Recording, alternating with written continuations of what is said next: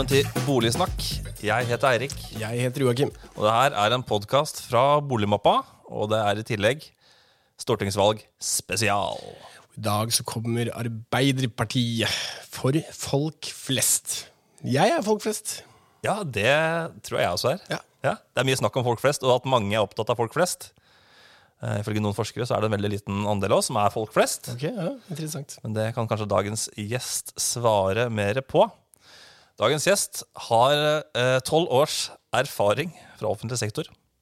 Og har jobba det man må kunne kalle førstelinje innenfor, eh, innenfor byggesak, plan og bygg i Oslo. Hjertelig velkommen, stortingsrepresentant og boligpolitisk talsperson i Arbeiderpartiet, Siri Gåsemyr Staalesen. Tusen takk. Og det er lett å si hvem som er eh, vanlige folk, for det er jo alle oss som eier egen bolig. Og det er jo åtte av ti. Åtte av ti. Hva med de siste? Hvorfor, eier ikke de? Nei, og det som er litt sånn foruroligende, er jo at de med lavest inntekt eier eh, Det er jo de som først og fremst ikke eier egen bolig, og studenter og unge som ikke har kommet helt i, i den voksenfasen hvor det er eh, aktuelt for dem å gå ut på kjøpemarkedet. Og det vi ser, er jo at færre av de med lavest inntekt eh, eier jo egen bolig. SSB kom jo nylig med nye tall for det. Så det å sikre leietakerne bedre er også viktig for Arbeiderpartiet. Så husleieloven, den må eh, få nye briller på seg. Nettopp.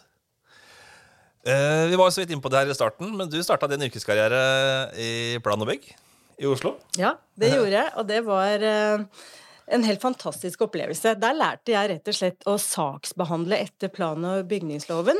Og det å møte folk, møte kunder, være hyggelig, åpen, imøtekommende, og være den med kunnskap om hvordan Oslo kommune skulle ha sine byggesaker behandla.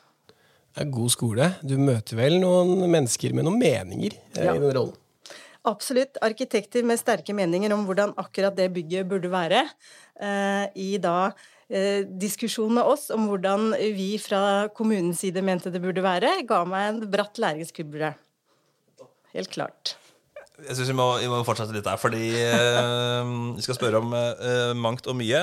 Men eh, din partifelle, Raymond Johansen, har jo disse dager vært ute i Aftenposten og og hva har han gjort, egentlig? Han har uh, sagt at det, hvert det står i hvert fall ikke på at ikke det er nok uh, tomter, uh, areal tilgjengelig for utbyggerne. Når på en måte mange partier viser til at dagens problemer med å komme seg inn på boligmarkedet er fordi tilbudssida er for lav. Hva, hva tenker du om det? Nei, altså Vi sier jo i vårt partiprogram at aller viktigste vi må gjøre, er å bygge flere boliger. Sånn at det å ha en god tilbudsside er jo helt, eh, helt avgjørende for en god boligpolitikk, selvfølgelig. Men det er mye annet i det bildet som også må hensyntas. Eh, Og det Raymond jo har snakket om, er jo dette her med, med når utbyggerne selger boligene sine, og på hvilken måte. Så har han jo også pekt på det at, at det at saksbehandlingstiden i plan- og bygningsetaten i Oslo kommune har økt, også skyldes at utbyggerne selv bruker lang tid på å forberede, sine saker. Og det som er helt sikkert, det er at det er veldig viktig i det samfunnet vi lever i nå, å ha god byutvikling. Og det krever mye kunnskapsinnhenting, og det krever gode vurderingsevner både fra utbyggeren, men også fra kommunens side. Og det er større krav til gode planer nå enn før. Eh, Sånn at det at eh, man eh, på 60-tallet, som, som jeg har dykket litt ned i som historiker, brukte kort tid på byggesaker, det kan liksom ikke sammenlignes med det samfunnet vi lever i nå, da. Og da tenker jeg at Eller det vi også vet, er at Antallet kommuner som gir dispensasjoner fra byggesak eller plan, plansakene i kommunestyret, har jo også økt. Og det å, å finne grunnene til det? Hvorfor, hvorfor er det sånn at de overordna planene som kommunestyret vedtar, som innbyggerne er med på og påvirker, hva er det som gjør at utbyggerne stadig søker disp fra dem? Eh, Det er, eh, mener jeg, er et alvorlig problem, både knytta til innbyggernes påvirkning av nabolag og demokrati, men nå saksbehandlingstiden. Så det er kanskje en ting som vi i neste stortingsperiode burde diskutere litt i Stortinget. For det er slik at mange utbyggere rett og slett eh, søker om ting de nesten vet at eh, dette kommer ikke til å gå gjennom likevel, men jeg prøver, og så tar det ekstra lang tid og mange runder og Men jeg tror de, altså det de tallene fra statsforvalteren viser, er jo at de faktisk får disp. da. De får innvilget disp. Jeg tror ikke i Oslo, men i, andre, i mange andre kommuner så har det tallet med innvilget dispensasjon økt, hvis jeg husker den rapporten riktig. Sånn at det å, det å vite på en måte hva som foregår i, i, forhold til det med plan, mener jeg er viktig. da. Eh, og kanskje denne regjeringen ikke har jobba godt nok med plan, plansystemet vårt. Eh, i forhold til det å få opp reguleringstakten. Så Vi sier i vårt partiprogram veldig mye om boligpolitikk og snakker mye om hvordan førstegangskjøpere skal komme inn, hvordan vi skal få bygd mer. Og en av de tinga vi har fokus på, er hvordan vi kan forenkle og forbedre regelverket i plan- og bygningsloven. Så har vi ikke alle svara, men vi sier at vi vi er såpass opptatt av dette at vi sier det rett ut i partiprogrammet vårt at vi har ikke alle svarene, men vi ønsker å bruke staten aktivt, sånn at kommunen skal få mulighet til å bygge mer effektivt, øh, altså få bygd flere boliger og få flere verktøy i verktøykassa. Og at det første vi skal gjøre, eller noe av det første vi skal gjøre, allerede fra dag én, sa Jonas i sin landsmøtetale, så ønsker han å sette i gang arbeid med en ny stortingsmelding om helhetlig boligpolitikk med fokus på å styrke kommunenes verktøykasse tenker dere om det har vært noen meninger om å bygge i, bygge høyden, eh, ta markagrensa? Eh, litt sånn eh, ja, kontroversielle meninger, kanskje, for noen. Eh, er den fredet hos dere? Ja, markagrensa er freda. Men uh, Oslo kommune har jo, holder på med, eller har de vedtatt, en sånn høyhus... Uh, høyhusstrategi. Eh, så det blir veldig spennende å følge. Jeg har jo vært i kontakt med politikere, byutviklingspolitikere i mange kommuner. Som, som jeg hørte nå senest i Kristiansand, så er det planlagt en veldig høy, i hvert fall til Kristiansand å være, et eh, høyhus jeg tror på 16 etasjer. Så det blir jo spennende å se mm, hvordan byene nå møter dette her med fortetting og og viktighetene av å bygge tett, eh, skal vi klare å håndtere klimautfordringene. Så bra. Nei, men la oss, la oss spole litt tilbake og, og, og, se litt fra oven. Um, hvordan syns Arbeiderpartiet at dagens uh, boligmarked fungerer? For dårlig. Vi sier at uh, boligmarkedet har blitt en forskjellsmaskin, og det er jo rett og slett et svik mot, mot de unge. Og vi sier rett og slett at sånn kan vi ikke ha det. Så det er, eh, tiden er liksom inne for å løfte boligpolitikken som et generasjonsansvar og faktisk et solidaritetsprosjekt. Når boligprisene raser av sted, så blir det de med lavest inntekt som blir hengende etter. Og det er sånn at En bekjent av meg sa at han hadde tjent mer penger på å bo i leiligheten sin på Grünerløkka enn å jobbe. Og når boligprisveksten er høyere enn lønnsveksten eh, over så lang tid, altså det er jo ikke bærekraftig. Så noe må jo skje. Eh, og det vi sier, da, det er at det kan ikke være sånn at arv og foreldrebanken er det som styrer om du som ung får mulighet til å kjøpe eh, din første bolig eller ei. Vi veit jo at veldig mange av de som kjøper sin første bolig Jeg tror tallene er at 40% av de som kjøpte sin første bolig i 2018, tall fra SSB, de fikk hjelp av foreldra sine. Eh, og Da er boligmarkedet blitt en ulikhetsmaskin, og da må vi gjøre noe. Så det Vi har sagt, eller eh, vi har foreslått i Stortinget, men vi sier også i, i partiprogrammet vårt nå, at vi må styrke Husbanken. Og vi må styrke Husbanken på flere måter. Det ene er at vanlige unge eh, skal få mulighet til å låne av startlånsordningen. At det ikke kun er de vanskeligstilte, sånn som regjeringen har regelverket for nå. Og dette har vi bevilget penger til over alternativ budsjett siden 2014. Og inntil 8 milliarder har vi økt den utlånsramma med. Eh, I tillegg så har vi også bevilget penger til Husbanken eh, for at Husbanken skal være driveren av av nye veier inn i boligmarkedet. At Husbanken kan samle inn eh, gode eksempler fra hele landet. For det er jo eh, mange forskjellige varianter av leie til eie, f.eks. Kommune, mange kommuner gjør det på forskjellig måte. Utbyggerne gjør det på forskjellig måte. Selv boligbyggelagene har forskjellige modeller for hvordan det skal gjøres. Så det å prøve å finne liksom den, eh, de ultimate eh, modellene da, for hvordan man skal hjelpe unge inn i boligmarkedet som, som, ikke har mulighet til å kjøpe seg sin første bolig. Eh, det er vi veldig opptatt av. Og det, det, er vi veldig tydelige på i partiprogrammet vårt også. At vi vil eh, styrke Husbanken og gi eh, Husbanken et nytt samfunns... Eller ny rolle i samfunnet, rett og slett. Mm. Et nytt mandat. Som går utover å være et virkemiddel for vanskeligstilte. For det er det det primært er i dag med startlånsordningen? Kun. Kun, ja. Kun. ja. Sånn at vi hadde, Under den rød-grønne regjeringen så var det mulig, hvis du som ung ikke klarte å spare opp egenkapitalen din, eh, men hadde fast jobb, da, så kunne du søke om startlån i kommunen din eh, og få det. Mens nå eh, kan du ikke det, så det betyr jo at de unge som har fått, en fast jobb, men som ikke får hjelp hjemmefra, sitter og sparer. Og med en boligprisvekst på over 16% i Oslo, så har du jo ikke sjans. Da er du jo lenger unna boligmarkedet da, etter at du har leid en leilighet i ett år, enn du var det året før. Og sånn, eh, Det er ikke bærekraftig.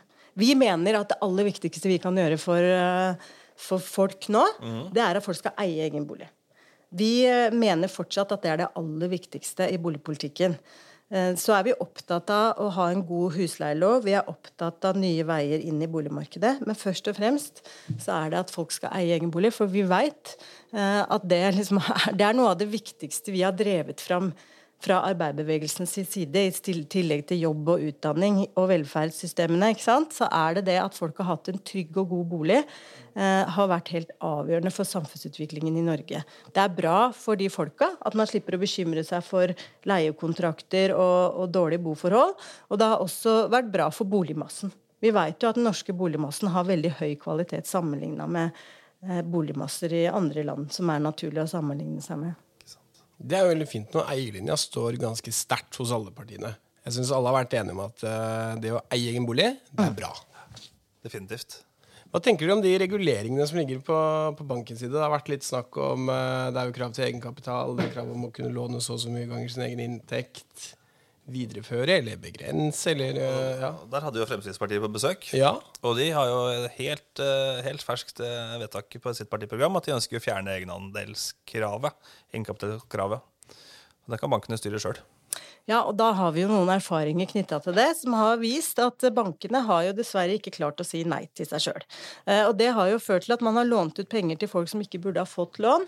Og bankene har vært nær eh, konkurs, og da har måttet bli, hva skal jeg si, som jeg har sagt i noen debatter, da måttet bli reddet av av liksom en kjærlig mor, som er staten. sånn at vi, Boliglånsforskriften er jo ikke innom Stortinget. Det er jo regjeringen som styrer den. Eh, og vi eh, har ikke hatt noe vedtak knytta til den i denne stortingsperioden. Så jeg må jo så snakke litt på vegne av meg selv. Eh, men jeg har skrevet litt om det, og det som, som, som jeg mener, er at egenkapitalkravet er bra. Det er viktig, med bakgrunn i det jeg nettopp sa, at bankene trenger noen styringsverktøy for å ikke unngå Eller for at vi kan unngå situasjoner vi har kommet opp i for i forhold til utlån til, til eh, betalere som ikke burde ha fått lån. Og så har jo nå eh, utlånsramma økt, sånn at man kan øke låne til fem ganger inntekten. Og mine, betra mine betraktninger da, rundt det er at det betyr jo at vi er ikke Altså, vi blir jo da leilendinger av banken, da. Lengre. Ikke sant? Selveierlinja. Jeg vil ikke si at den er under press, men jeg mener at det er viktig å stille spørsmålstegn med er vi egentlig selveiere hvis vi skal bruke hele livet vårt på å betale denne boligen.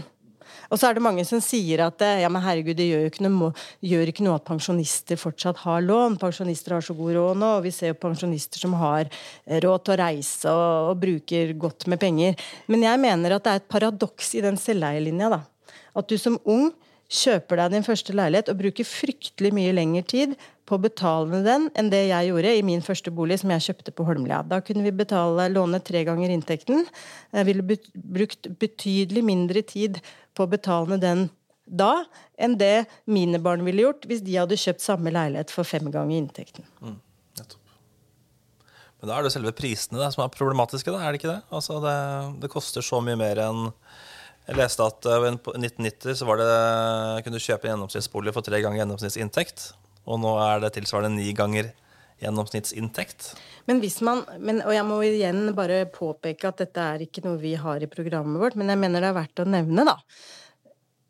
Hvis, hvis, hvis politikere hadde sagt at vet du hva, det er ikke riktig at bankene skal låne ut fem ganger inntekten. For da hvis boligprisveksten blir høyere, så kan bankene si ja, men nå må vi få lov til å låne ut seks ganger inntekten, og så vil det bare fortsette. Eh, Og så kan politikerne si nei, vet du hva, her må vi, nå må vi stoppe, et eller annet sted må vi stoppe. Da vil det på kort sikt eh, ramme de aller svakeste i boligmarkedet. Helt åpenbart. Eh, og det er veldig vanskelig. Men på lang sikt så kan det hende at det ville vært bra. Men jeg, jeg må si det på den måten, fordi vi har ikke det eh, i programmet. eh, programfestet eller noe. Men jeg tenker at jeg kan få lov å tenke litt høyt. Det er lov. Absolutt.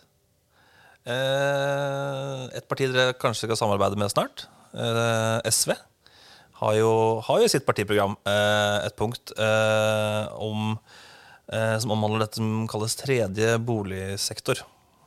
Eh, som de ser på som én løsning for å få flere igjen på boligmarkedet.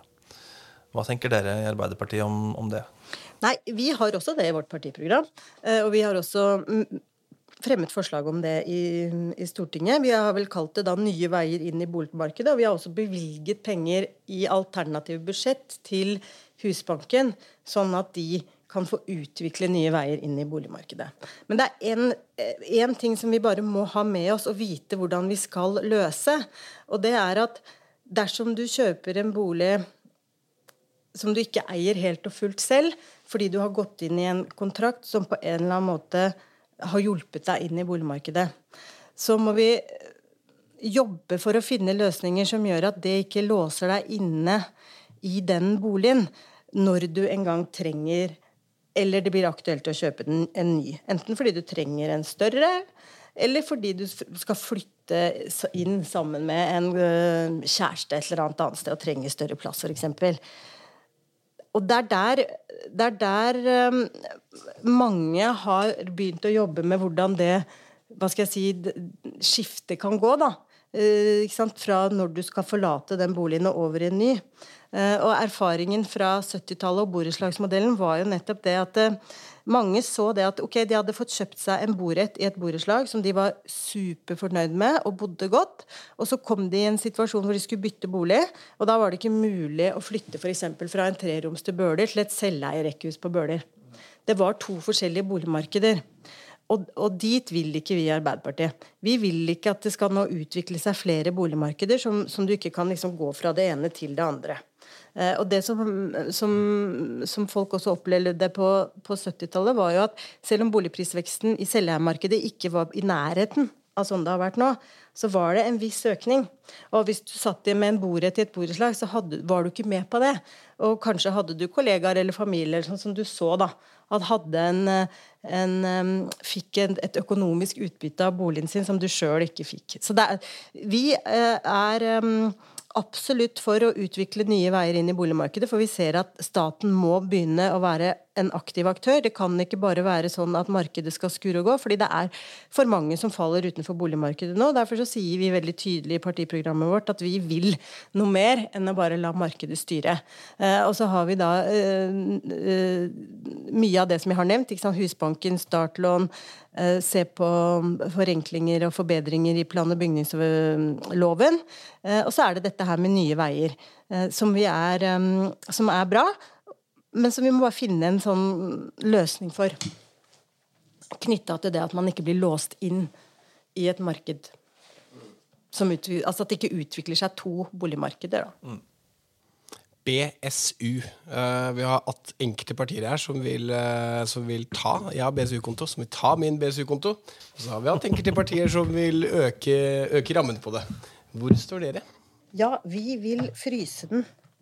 Um, og det vil si at vi vil eh, fryse den på 25 000 kroner i året og 300 000 kroner totalt, og begrense ordningen til å gjelde førstegangs- og boligkjøp.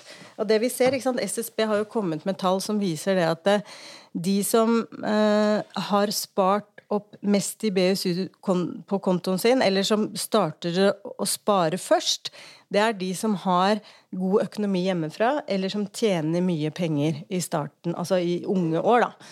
Sånn at det er en urettferdighet i den BSU-ordningen som gjør at vi har i hvert fall lagt oss på det at vi fryser den, og så vil vi at eh, man først og fremst skal bruke de pengene på det første boligkjøpet. At det er liksom hensikten med den ordningen. Da. Ja, det er veldig fornuftig.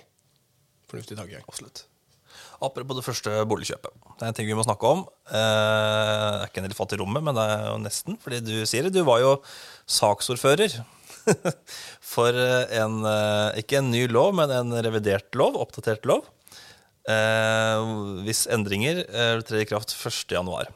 Og den loven heter avhendingsloven, og det snakka vi om i stad. Det er et dårlig navn, er det ikke det? Jo, det er i hvert fall ikke mulig for eh, noen å skjønne hva den loven handler om, og det er veldig synd. Fordi den loven, det må jo være en av de lovene som angår flest folk i? Norge.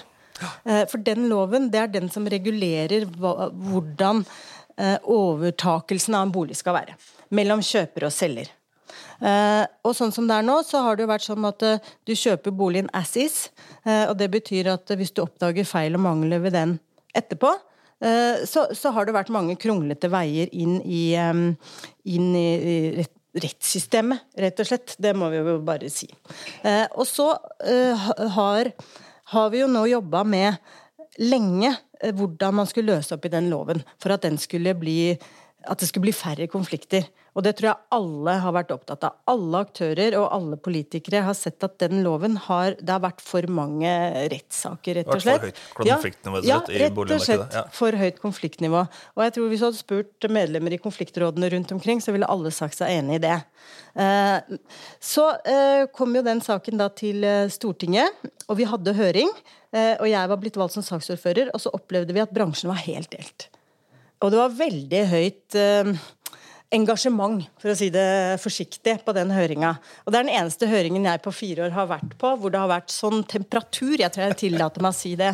Eh, og det gjorde at vi eh, i Arbeiderpartiet gikk tilbake og ble enige om at her må vi gjøre en veldig grundig jobb. Her må vi vite veldig grundig hva vi skal lande på, eh, med det hensynet for å få færrest konflikter i rettssystemet. Hvorfor var det så sterke meninger? Hva var det folk reagerte på? Nei, det var jo Bransjen var jo veldig uenig i rett og slett om den ville føre til flere eller færre konflikter. Eh, Det som jo var eh, Grunnen var jo at det var kommet inn noen forslag Regjeringen hadde noen forslag til lovendringer som ikke var ute på høring. Det hadde vært en rundbordskonferanse et halvt år før hvor regjeringen hadde innkalt aktørene og sagt at dette har vi litt lyst til å fremme. Eh, Hva syns dere? Og da hadde bransjen sagt at dette må dere sende ut på vanlig høring. Så, så droppa regjeringen det. Eh, Det var rett og slett det. Så det på en måte så kan man kanskje si at regjeringen glapp litt i siste sving ved at de ikke tok seg tid til å sende det ut på høring. Er det det som kan kalles dårlig politisk håndverk av kommentatorer? Ja, det kan jeg tillate meg å si som opposisjonspolitiker og saksordfører for den saken. Men i hvert fall, vi landet jo da på at det var for dårlig politisk håndverk. Så vi sendte den, eller vårt forslag var å sende den tilbake. Senterpartiet og SV var enige med oss i det.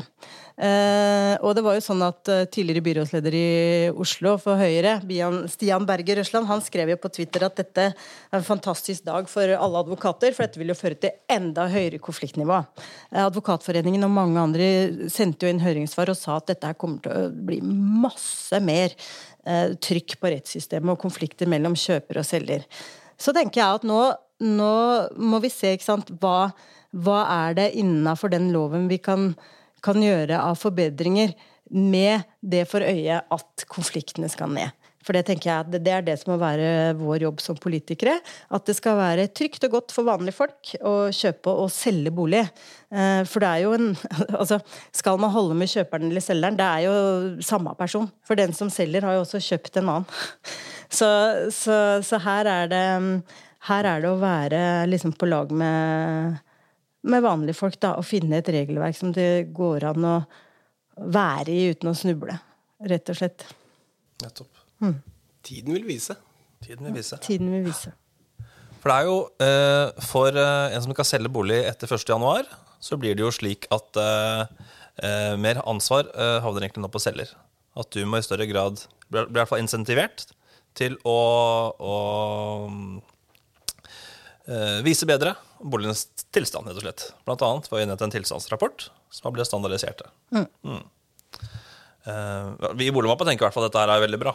Mer Absolutt. informasjon om, om det objektet du kjøper, eh, er jo bra. Mer transparens, rett og slett.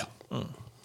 Så er det noen som har, eh, har hevet litt stemmen over at, eh, over at eh, bygningssakkyndig, som skal utføre tilstandsrapporten, de som fører takstmann, takstperson, at, de, at det kan være hvem som helst, at de ikke trenger noen form for formelle krav. Hva tenker du eh, dere om det? Nei, vi, har ikke ta, vi tok jo ikke stilling til det i stortingsbehandlingen, fordi vi bestemte oss for å være prinsipielle i den saken og bare avvise alle forslag. Men det å ha god kvalitet på byggesakkyndige er jo helt opplagt smart, vil jeg si. Eh, Sånn at det å gå litt grundig inn i det etter valget eventuelt, eh, det er ikke umulig. Time Oil Show. Ja, det, det vil jeg. Men de, de har jo fått uh, helt nye retningslinjer på hva en sånn rapport skal inneholde. Så det er jo en veldig en fin start. Eh, før så så vi at det var uh, variabel kvalitet på de rapportene, og nå er det noen minimumskrav til hva skal inneholde. Og det var jo en stor del av høringa, altså. At det var veldig store forskjeller mellom fylkene, faktisk, på hvordan de rapportene ble skrevet. Men Jeg, jeg, jeg, hadde, en gang en, jeg pratet med en megler i, i Alta. Eh, tilbake til når man prøvde at man måtte ha hulltakning osv. Da måtte de, da hadde ikke noen eh, takstmenn, som det het den gang, eh, som kunne utføre en sånn rapport eh, i Alta. Så de måtte hente en takstmann fra Hammerfest. Og det, til slutt så var det jo kundene som måtte betale for den reisen osv. Så, videre. så det er jo veldig lett å snakke om liksom, storbyene. Når du kommer litt ut i distriktene, så er det en litt annen situasjon. Og jeg har jo fått eh, Hva skal jeg si Ikke øynene opp for det, da. Jeg har jo eh, alltid vært veldig mye ute i landet. Men, men jeg representerer Oslo Arbeiderparti på Stortinget. Eh, og det å være ute og se hvordan vi kan bygge, eller utvikle en politikk for boligbygging i distriktene, har vært en stor del av mitt mandat. Så vi har jo også jobbet veldig mye med det. Eh, og det vi ser da, det er jo det at eh, hvis du bygger et nytt hus så er jo kostnadene med det ganske lik over hele landet. Eh, og så kan man si at i pressområder så betaler man fryktelig mye for tomta. Men hvis du bygger en, en, eh, en ny bolig et sted hvor tilflyttinga ikke er, kanskje er nedadgående, så faller den boligen i pris idet du tar den i bruk. Og det forstår jeg at gjør Det er ikke vanskelig å forstå at unge som egentlig kanskje har lyst til å flytte tilbake til hjemplassen sin etter man kanskje har vært ute noen år, tatt en utdanning, kanskje til og med lett kan få seg jobb i hjemkommunen. At man vegrer seg litt. For den, at du liksom ikke får kanskje klarer å selge boligen engang. Uh, og så er det også det at det, Apropos det med bank. Banker syns også det er vanskelig å gi de lånene. Så det å, det å finne en politikk som gjør at folk kan bo i hele landet, det har vært viktig for oss. Ja, det er ganske interessant. Du hører jo, ikke noe, du hører jo lite om boligpolitikken ute i distriktene. Og for oss i Oslo er det jo veldig enkelt. Hvis du overtar en bolig til 10 millioner da, før eh, regnestykket er enkelt, så vet du at ok, den er mest sannsynlig verdt eh, 11 eh, neste år. Eh, men i distriktene så har du faktisk en situasjon hvor du, mm. det går ned i verdi. Det er jo helt utenkelig. Men det er derfor vi er så opptatt av å bruke eh, politikk i boligpolitikken. For det har ikke den sittende regjeringa gjort. De har bare sagt at her er det markedet og tilbudet og etterspørsel som skal styre det. Mens vi har sagt at vi f.eks. vil gjeninnføre et eh, prosjekt som den rød-grønne regjeringen innførte, da, som handlet om å, å hjelpe kommuner til å få unge til å etablere seg. Og da må man prioritere penger til det. Det er så enkelt. Ikke til selve boligkjøpet til den enkelte, men liksom hva, hva slags endringer hva kan man få til, da. Så bra. Denne lille halvtimen går mot, går mot slutten. Eh, Siri, eh, i starten av denne, denne praten så snakka vi litt om Eller du satte det litt i kontekst. Måte, eh, bolig er på en måte en av de viktige pilarene i den norske velferdsstaten. Jobb, du har helse utdanning.